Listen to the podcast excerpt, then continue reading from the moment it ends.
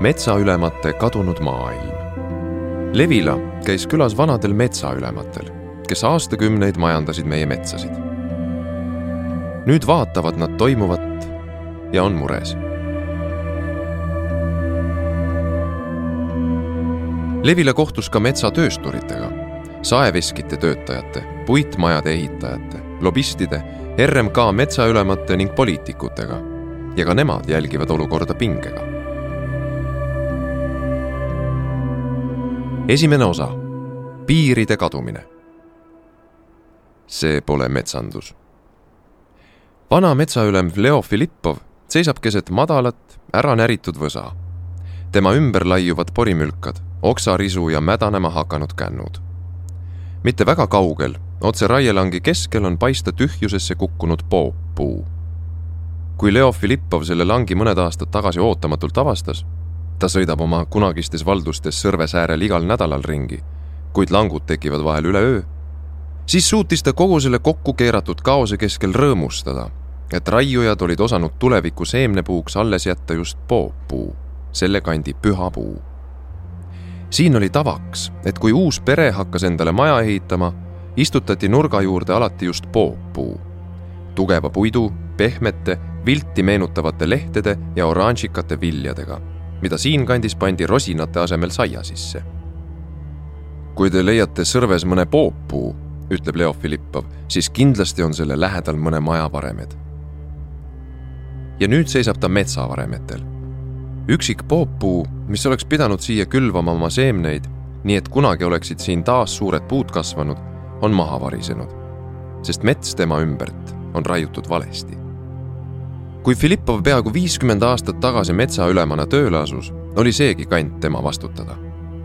ta sõitis iga natukese aja tagant siit mööda, peatas oma saja kahekümne viie kuubikulise motika, hiljem aga juba külgkorviga mootorratta, võttis korvist kaasa võetud tööriistad või taimed ning kõndis puude vahel.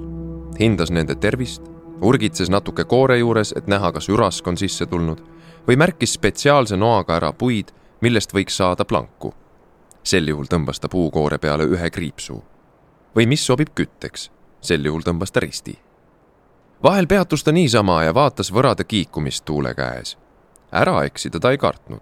ta oli lapsest peale neis metsades olnud ning nii mõnigi endine metsaülem teab vana tarkust, et kui inimene kõnnib enda arvates otse, siis tegelikult alati hoopis natuke kellaosuti liikumise suunas.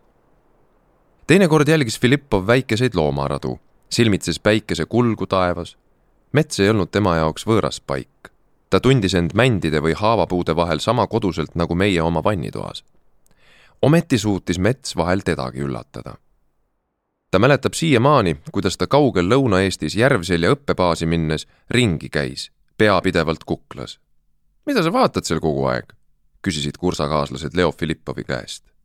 ta vaatas puid Saaremaa kidural mullal kasvanuna polnud ta kunagi näinud nii kõrgeid, jämedaid ja majesteetlikke puid kui seal. mõnest võib saada isegi neli palki, mõtles ta toona ega jõudnud ära imestada. kõik tema kursakaaslased vaatasid metsa vahel samamoodi. mitu planku võrdub see või too puu. Nad ei õppinud looduskaitsjateks, vaid metsade majandajateks, kes pidid arvestama, kuidas metsa kasvatada, hooldada ja raiuda, et sellest saaks võimalikult suurt tulu, nii täna homme kui ka siis, kui neid enam ei ole. pooled neist läksid hiljem metsaülemateks. Nad määrati üle Eesti erinevatesse paikadesse ja mitmetega neist kohtume selle artikli jaoks. Nad on juba väga vanad. mõned hakkavad lähenema sajandale eluaastale, kuid keskmise männipuu kõrval on nad siiski veel päris poisikesed. teised Filippovi kursakaaslased läksid aga metsatööstusesse ning kursuse kokkutulekutel võis nii mõnelgi korral puhkeda väikesed tülid Nad kippusid vahel ka märjal ajal raiuma, et plaani täita, ütleb Filippov, kui pimedusse on mattunud Sõrve säärel tagasi linna poole sõidame. aga see on metsale kahjulik. tanklas hüvasti jättes küsin tema käest, miks ta pensionärina endiselt igal nädalal ringi sõidab ja metsadel silma peal hoiab. no kui ma seda ei teeks, ütleb Filippov, kui ma kiidaksin heaks, mismoodi praegu meie metsasid majandatakse, siis ma irvitaksin oma õppejõudude ja oma hariduse üle juba ammu pole ta enam metsaülem. kadunud on ka metsnikud ja metsavaid. üle Eesti seisavad kunagised kordonid ja metsavahtide majakesed sisse varisenud katustega ja maha koorunud värviga, unustatuna kusagil laantes, vihm tilkumas kokku langenud ahjudele ja ei hingelistki seda kuulmas. pea kakssada aastat võis iga päev näha mõnes metsas kohalikku metsaülemat, munder seljas, kõrgete puude vahel ringi jalutamas ja kontrollimas, mõõtmas, analüüsimas, vaatamas, kuidas mets kasvab ja mis temast saab. ka Leo Filippovi abikaasa oli metsaülem ning kui vahel nende akende alt mõni metsaveoauto mööda sõitis, oskas ta laasitud ja tükeldatud tüvedele otsa vaadates nimetada täpse koha, kust need maha olid võetud. vanad metsaülemad ei tundnud ainult metsa. oma metsades tundsid nad ka kõiki puid. nüüd metsaülemaid säärasel endisaegsel moel enam ei ole. Paarkümmend aastat tagasi viidi efektiivsuse tõstmiseks ja kulude optimeerimiseks läbi reform, mis kaotas kogu senise süsteemi enam kui paarisajast metskonnast jäi alles paarkümmend ning tuhanded omal ajal metsas töötanud inimesed saadeti laiali. Eesti vanad metsaülemad istuvad nüüd oma kodudes Virumaal või Tartumaal, valavad meile sinililli ja kasetüvesid kujutavate maalide, loomanahkade, pealuude, topiste, küünlakesega põdrakujukeste ning faasenikujuliste seinakellade all sooja teed ning pakuvad koogikesi. soovivad ilusat hingede aja jätku ja räägivad siis metsadest, kus nad on veetnud terve oma elu. aastakümneid on nad peaaegu iga päev kõndinud mõnes laanes, võidelnud üraskite ja tormidega, lasknud ühes kohas raiuda ja teises juurde istutada. Nad on koos teadlastega uurinud oma metsade muldasid ja korjanud puudelt vaiku, pannud üles pesakaste või õgvendanud metsateid. ja vahel on nad lihtsalt istunud niisama, mõne puu juurtele, toetanud selja vastu tüve ja kuulanud metsa kohinat seda suurt tundmatut.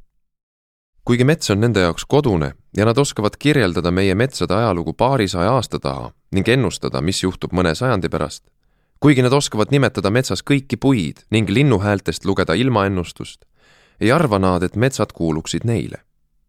Kui ma küsin mõne vana metsaülema käest, mis on nende lemmikpuud, ei soovi nad öelda.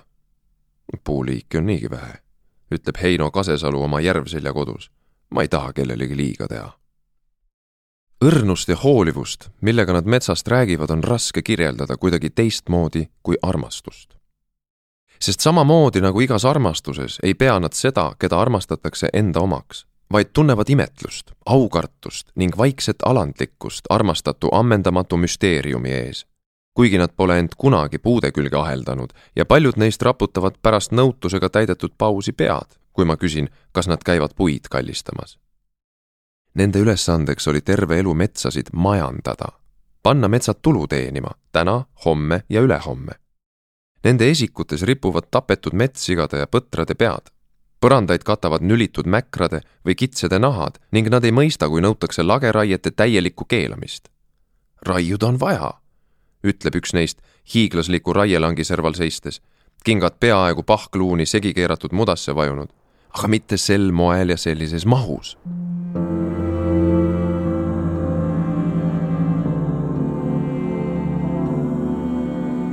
mu hing oli nii rõõmus, sest ma sain töö ajal metsas olla, ütleb Aleksander Sinimäe oma Sonda kodus.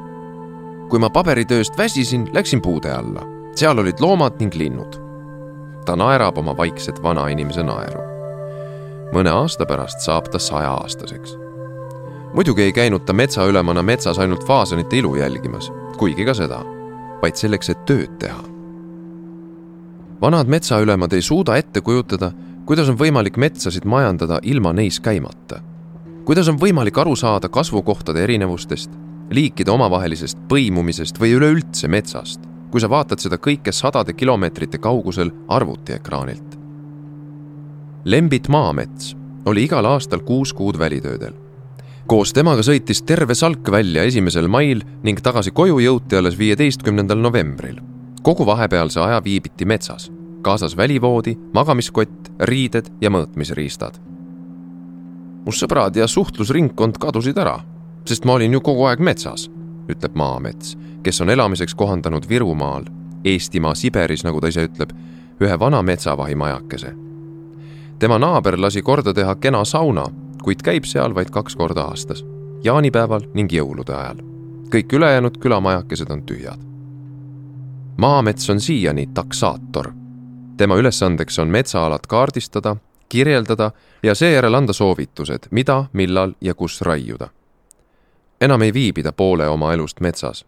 selja taha on jäänud ajad, kui ta veoauto kastis või mootorrattaga mõnda metskonda sõitis, et seal järgmise poole aasta jooksul hoolikalt kaardistada tuhandeid hektareid metsa. arvutid teevad nüüd hetkega selle töö, mille jaoks temal kulus omal ajal päevi ning nädalaid. inimese roll on muutunud tühiseks, ütleb Maamets ja sellest polekski midagi, kui me suudaksime teha programmi, mis võtab arvesse kõiki neid asju, mida inimene võttis. Neid asju on palju, sest arvuti ei näe, ta ei koge, ta ei suuda asetada asju konteksti. arvuti jaoks on iga metsaosa vaid arvestuslik üksus, lahus kogu ülejäänud maailmast. ta ei kõrvuta ega vaata, mis on seal ümber praegu või võiks olla kunagi tulevikus. ja sellel on tagajärjed. kui palume maametsal viia meid viiekümne hektari suurusele langile, tema tuttav vana metsaülem andis meile teada, et siinkandis olevat üks säärane uskumatu lahmakas. muigab maamets veidi nukralt ja küsib. millisele? siin on neid palju. lõpuks peatume ühe hiiglasliku tühjaks raiutud lõpmatuse kõrval ja kaameramees peab lennutama drooni mitmesaja meetri kõrgusele taevasse pisikeseks täpiks, sest alles sealt on võimalik hoomata kogu selle platsdarmi suurust. oleme hullemad kui bolševikud, ütleb maamets vaikselt kui me hiiglaslikku lanki vaatame. ta mäletab, kuidas nõukogude ajal tehti ettepanek raiuda korraga metskonna kümneaastane raienorm, sest masinaid oli liiga keeruline pidevalt liigutada. liiga keeruline on raiuda vaid üks lank, jätta kõrval olevad mõneks aastaks rahule ja raiuda samal ajal kusagil mujal, et mets saaks korralikult taastuda, hingata ja uueneda. see ettepanek lükati toona siiski tagasi. jah, tööd ja vaeva on teistmoodi majandades rohkem, kuid mahud tulevad ikkagi täis ning mis peamine, maha raiutakse küll metsa olevik, kuid mitte tulevik.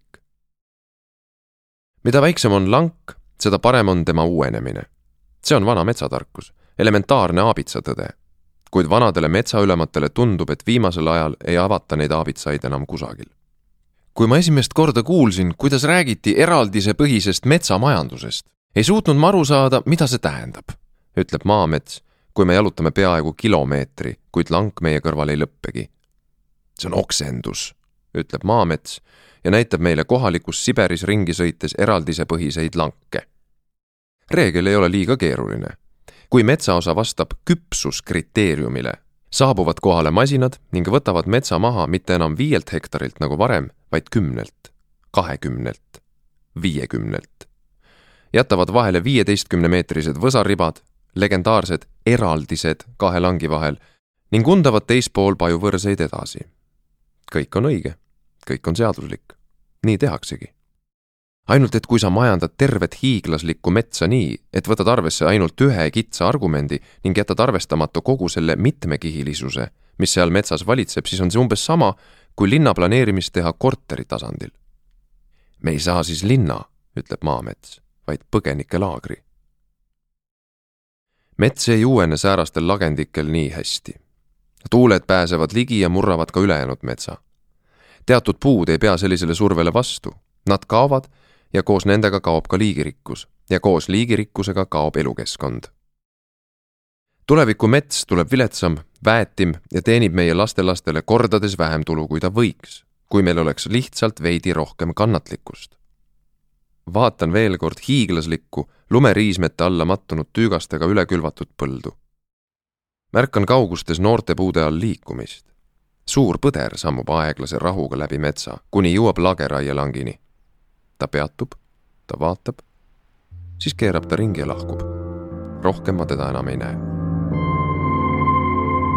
kahekümne viienda märtsi öösel tuhande üheksasaja neljakümne üheksandal aastal sõitsid talude ette mürisevad veoautod püssidega mehed ajasid pererahva kastidesse, mootorid urahtasid ning autod kadusid mürinal pimedusse. Siis saabus taas vaikus. üle hüljatud põldude ning karjamaade tuhises öine tuul. kui saabus suvi, kasvas neil pikk hein, mida ei niitnud keegi. juba järgmisel kevadel ajasid ennast läbi kamara esimesed paju- või haavavõrsed. Läks veel mõni aasta ning kunagistele karjamaadele olid tekkinud väikesed tihedad võsad tasapisi said põldudest kuusikud ja karjamaadest kaasikud. Need kasvasid ja sirgusid ning on tänaseks muutunud küpseteks puudeks, mis tuleks maha võtta. Jah, üks osa tänasest Eesti metsavaidlusest sai alguse küüditamisööl. Eesti metsade juurdekasvu on mõjutanud kõikvõimalikud sündmused. kuuekümnendate tormid murdsid miljoneid tihumeetreid ja kohalikud saeveskid saagisid neid puid veel mitmeid aastaid. metsa normaalne areng lõigati läbi ja paljudes kohtades alustati nullist seitsmekümnendatel närisid tohutult paljud põdrad noori kasvusid ja Nõukogude armee võis ühel hetkel teede äärde puid istutada ja teisel hetkel terveid alasid tühjendada. pärast pronksiööd lõpetas aga Venemaa oma puude toomise meie saeveskitesse, mistõttu pidi metsa hakkama rohkem siin raiuma.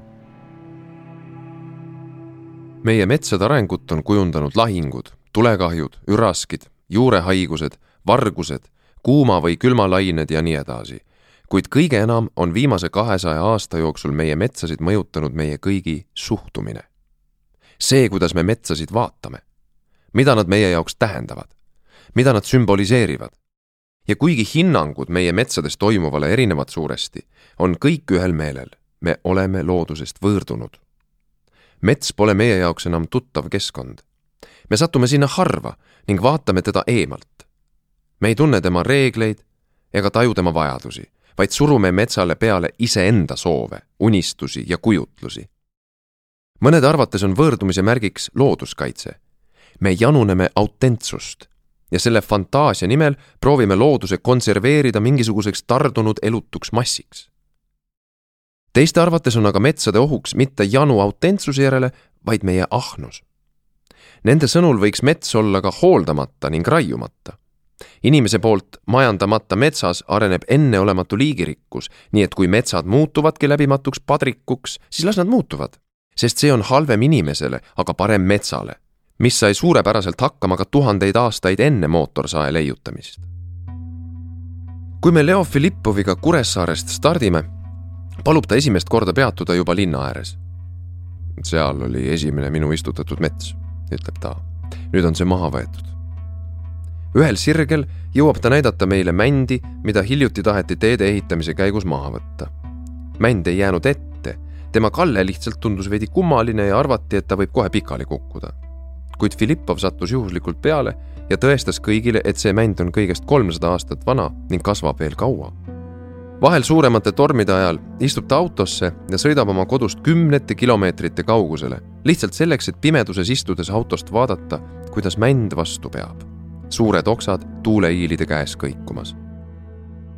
me möödume tammikust, kus kunagi oli Baltimaade suurim viirpuude ala, mille RMK teadmatusest maha lõikas, et siia rajada puisniit, mida majandatakse edaspidi mitte metsaloogika, vaid traktorite pöörde ja niidulaiuste järgi. puude vahel kas sada kolmkümmend seitse või sada viiskümmend kolm sentimeetrit. koos viirpuudega kadus siit tammikust ka senine kord valgus jõuab nüüd puuni teistmoodi kui seni ning vesi valgub tammede juurteni teistsugusel moel kui seni. ja seni tähendab neljasadat aastat, sest just nii kaua kasvas siin see haruldane kooslus, kus taimed moodustasid üksteist toetava ja rikastava ühiselu, kus viirpuud reguleerisid tammede veevarustust ja tammede võrad moodustasid vastutasuks viirpuudele soodsa päikesevarju. nüüd on see kõik lõppenud. kuid Filippovi arvates häving alles algab tamm on väga tundlik, kui tema vee- või valgusrežiim muutub, ütleb ta. kui vaatame udunevatest autoakendest noolsirget teed, mis on joonlauaga läbi tammiku tõmmatud. Need puud hakkavad varsti kuivama. paneme käigu sisse ja tagurdame tammepuude juurde rajatud täiuslikult asfalteeritud parklast välja. me möödume kohast, kus kaitsealuste orhideede ala jagati üheksakümnendatel elamukruntideks seal, kus kunagi õõtsusid käpaliste kirjud krooniad õied, on nüüd kahekorruselised individuaalelamud, madalad garaažid küljes nagu kännuseemned. mets asus mere ääres. ta ei olnud sinna kasvanud juhuslikult, vaid istutatud kunagi nende samade vanade metsaülemate poolt kaitsemetsaks üleujutuste eest. siis metsa raiuti ning kümmekond aastat tagasi ujutas meri kõik krundid ja saunaesised üle, jättes taandudes endast maha hallitavate seinte haisu edasi sõites näitab Leo Filippov meile maha raiutud luitemetsi, mis pidid kunagi kaitsma liivaluiteid laialituiskamise eest ja Soome pensionifondidele kuuluvaid hiiglaslikke lageraielanke. ühtesid esimesi, mis Saaremaal raiuti lääne tuultele avatuks. varem ei tehtud seda kogu Eestis kunagi. see on sõge suund, sest avab alles jäänud metsad kõige tugevamatele tormidele. Kuid nüüd näitavad vanad metsamehed meile üle Eesti lanke, mis avanevad kutsuvalt läände või edelasse, sinna, kust tulevad kõige tugevamad tuuleiilid, murdes maha vähesed seemnepuud ja terved metsatukad nende taga. ma ei ole raiumise vastu, raiuda tuleb ja peab, ütleb Leo Filippov mitu korda, aga mitte sel moel. kui meie oleks sel moel raiunud, oleks meid kohe lahti lastud me sõidame mööda ka väikestest metsatukkadest ja Filippov ütleb, et kaua need ei püsi, sest mets elab perekonnana, mitte tukkadena. korraks laseb ta auto peatada kohas, kus puid raiuti suviti ja seetõttu on muld seal segi keeratud. alles jäänud puude juurtel on näha juba juurepressi jälgi. kümmekonna aasta pärast seda puistut enam ei ole kuid tõelised tagajärjed tulevad alles viiekümne või isegi saja aasta pärast, kui hävitatud metsamuldadele ei ole enam asemele kasvanud seda metsa, mis siin kunagi oli. Kui te viie aasta pärast siia tulete, ütleb Filippov ja osutab majakesele, mille ümber on mõned puud, siis on see maja lageda peal, puud on kadunud. seitsmekümnendatel metsasid majandama asudes ootasid nemad enne raiuma hakkamist vahel kuus või isegi seitse talve. Need lihtsalt polnud piisavalt külmad Nad oleks masinatega pinnase ära rikkunud. kuigi ametlikud dokumendid loetlevad kõike muud, kuid mitte mulla kvaliteeti, siis just seal, rikutud mullas, võib olla meie tuleviku metsapõud. Üks rohkem kui üheksakümne aastane endine metsaülem mäletab veel aegu, mil ühel hektaril nelja-viie hobuse karjatamine viis metsa väärtuse kahe klassi võrra allapoole. ei, need üksikult ringi sammuvad suksud ei söönud tammelatvu ega lõhkunud tüvesid Nende kabjad tallasid lihtsalt liiga usinalt mulda ja hävitasid mikrokliimat. nüüd on hobuste asemel metsas harvesterid, mille kaal ulatub üle kahekümne tonni ning mida veavad rattad, mille laius võib olla peaaegu meeter. Raiumisel ei oodata külmade talvedeni, vaid sisse sõidetakse ka kevadel või suvel, mil muld on pehme ja kerge, täis väikest silmale nähtamatut elu viiekümne või saja aasta pärast võinuks sellest mullast võrsuda samasugune suur mets, nagu seal alles äsja oli. nüüd seda enam ei juhtu. juba omal ajal taheti puude raiumist viia sügisele ning suvele, mäletab üks metsaülem. ja tulemus oli kiire, need metsad hakkasid kuivama.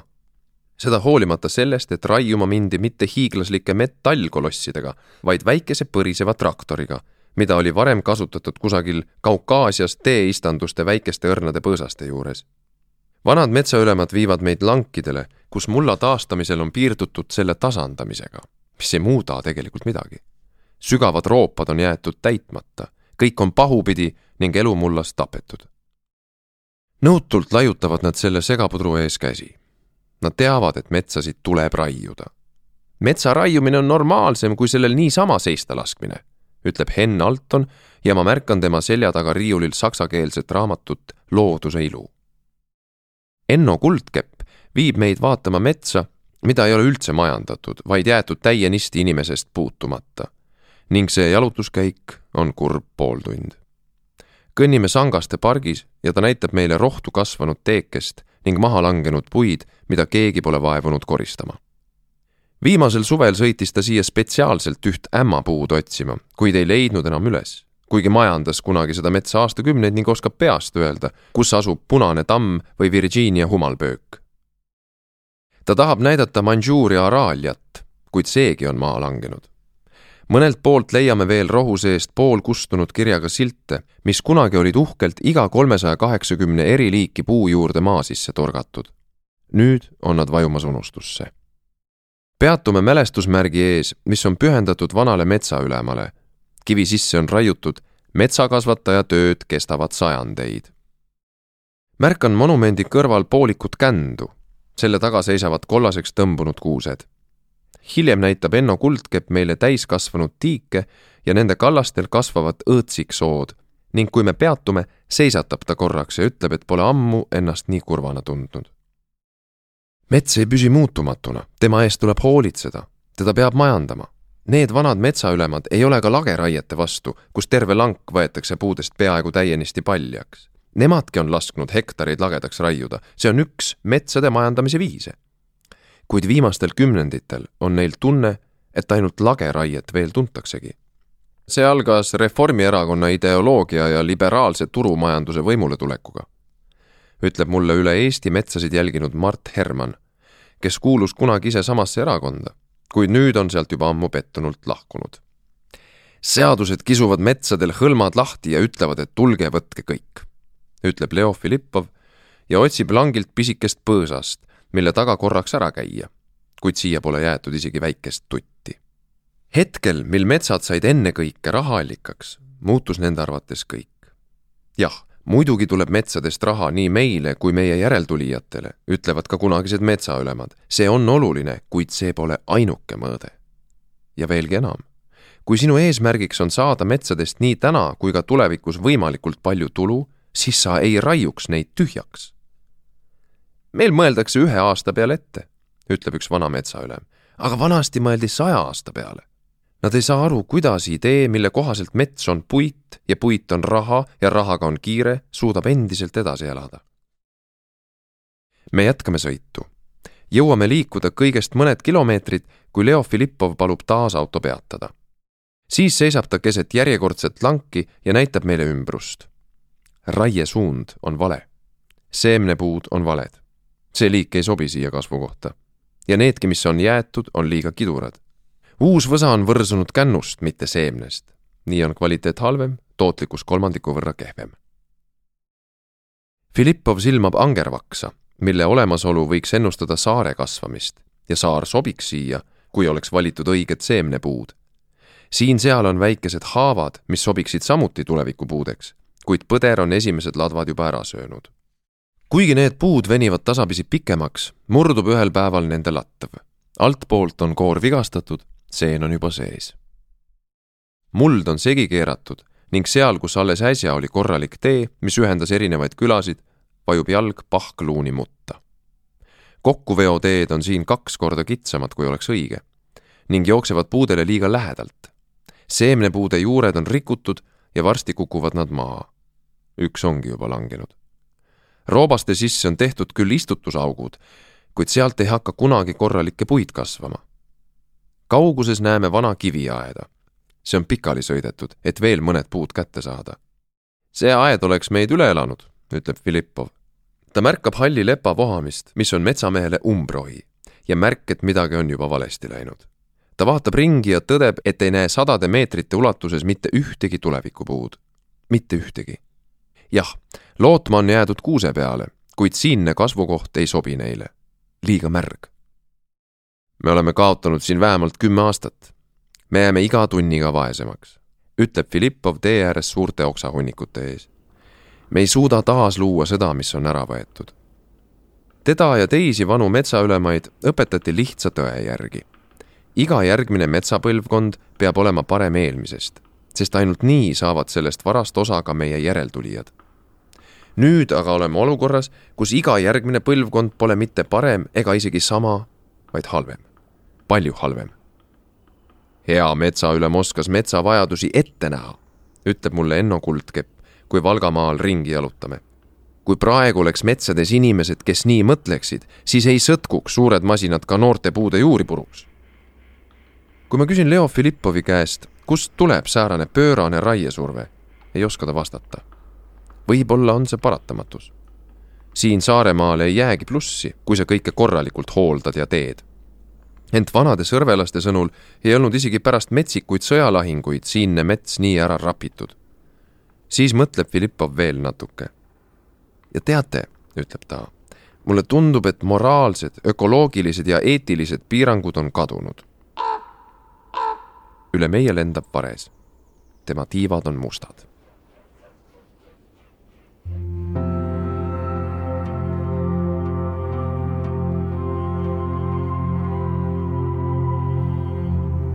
tekst Eero Epner, luges Märt Avandi. helikujundus ja muusika Janek Murd. loodushelid salvestas Veljo Runnel. Levila kaks tuhat kakskümmend üks